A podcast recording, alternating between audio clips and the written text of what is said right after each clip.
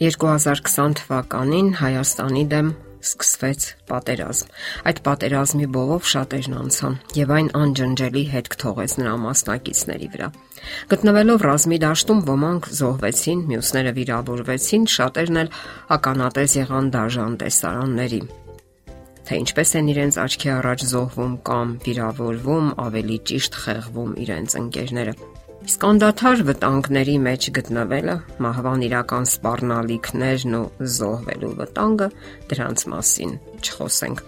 Շատերն էլ գտնվել են մշտական ռմբակոծության տակ եւ ամեն վարքյանն իր հետ մահվան ու վիրավորվելու սпарնալիք է բերել։ Նրանք կսկվել են եւ պատսպարվել ռումբերից ու արկերից ցնցվել ամեն պայթյունի հետ։ Մահն ու խեղանթանվելը, ինչպես ասում են, 7 սարի հետևում չի եղել։ Այդ ամենը անջնջելի տպավորություն է թողել նրանց վրա, խեղելով մարմինն ու հոգեբանությունը։ Ահա թե ինչու նրանք, ովքեր անցել են դժողքի միջով եւ իրենց վրա զգացել պատերազմի ողջ սարսափները, առանձնահատուկ վերաբերմունքի եւ անգամ մասնագիտական բուժման կարիք ունեն։ Այստեղ տրամաբանական հարց է առաջանում. ինչպես կարող են այդ մարդիկ ընդհանրապես վերականգնվել, երբ ապրել են այդ սարսափելի փորձառությունը, ընկերոջ մահը կամ խեղանթանվելը, եւ ինչպես կարելի է հարաբերվել նրանց հետ, ինչպես սատարել, մխիթարել եւ անգամ ինչ բառեր օգտագործել նրանց հետ զրուցելիս։ Ասենք որ բժշկագիտության մեջ այդ երևույթը անվանում են հետ տրավմատիկ սթրեսային խանգարում։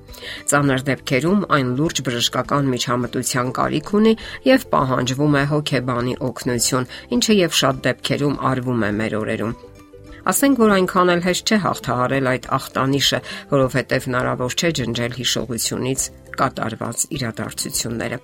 Գտնվելով այդ իրավիճակում մարդը տևական ցավ ու սարսափ է զգացել, անօքնականության զգացում, որ ոչնչով չի կարող օգնել եւ ի վերջո ինքն էլ կարող է հայտնվել նման իրավիճակում։ Իսկ ինչպես են դրսևորվում հետ տրավմատիկ սթրեսային խանգարումները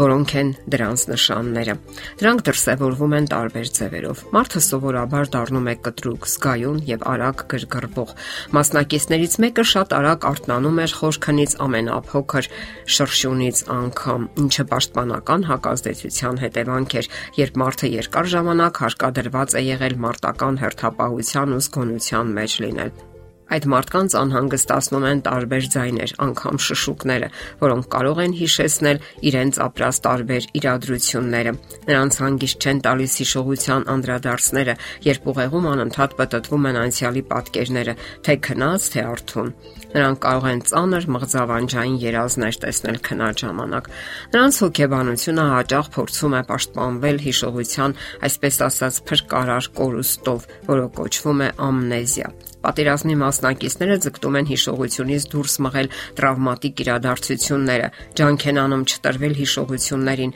չխոսել անգամ այդ մասին, խուսափել դրա հետ կապված ամեն ինչից։ Որոշ մարդկանց մոտ կարող են արգելափակվել բոլոր դրական հույզերը, առաջանում է այսպես կոչված անզգա վիճակ շրջապատում կատարվող ամեն ինչի հանդեպ։ Նրանք ապագայի ոչ մի հեռանկար չեն տեսնում եւ անհուսության զգացում են ապրում։ Այդ բոլորը խանգարում է, որ նրանք կարողանան բնականon հարմարվել սովորական կյանքին։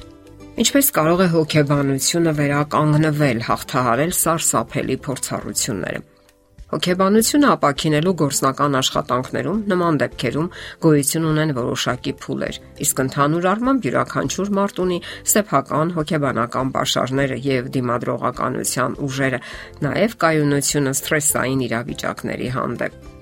Վերականգնման ընթացքում հոգեբանները պետք է հուսալի եւ վստահելի հարաբերություն հաստատեն այդ մարդկանց հետ։ Իսկապես այնքան էլ հեշտ չէ այդ ապրած սարսափելի փորձառություններից հետո հավատալ որևէ մեկին, սակայն դա անհրաժեշտ պայման է, որpիսի նրանք կարողանան վերադառնալ բնականon կյանքին։ Ինչպես լուծել խնդիրները։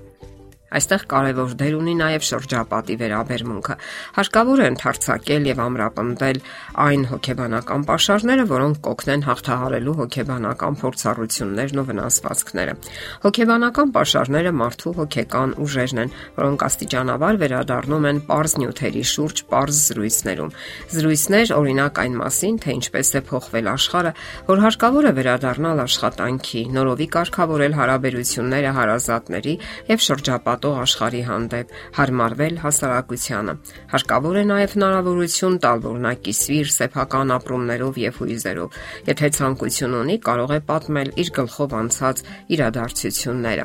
Եվ այսպես Մենք բոլորս ապրում ենք նոր իրականության մեջ։ Նման մարդիկ մեր հասարակության մի մասն են եւ հենց մեր կողքին են։ Նրանք առանձնահատուկ վերաբերմունքի եւ սիրո կարիք ունեն։ Հիշենք, այդ մարդիկ անցել են դժողքի միջով եւ զգացել մահվան կամ վիրավորվելու կամ ավելի ճիշտ կլինի ասել խեղանդամ դառնալու սարսափները եւ մեզանից պահանջվում է հարգանք, սեր եւ ըմբռնողություն նրանց հանդեպ։ Իսկ թե ինչպես ճիշտ հարաբերվել նրանց հետ, օգնել, որpիսի դուրս գան այդ ծանր փորձառությունների շղթայից, կխոսենք մեր հաջորդ հաղորդման ընթացքում։ Եթերում է առողջ ապրելակերպ հաղորդաշարը։ Հարցերի եւ առաջարկությունների համար զանգահարել 033 87 87 87 հեռախոսահամարով։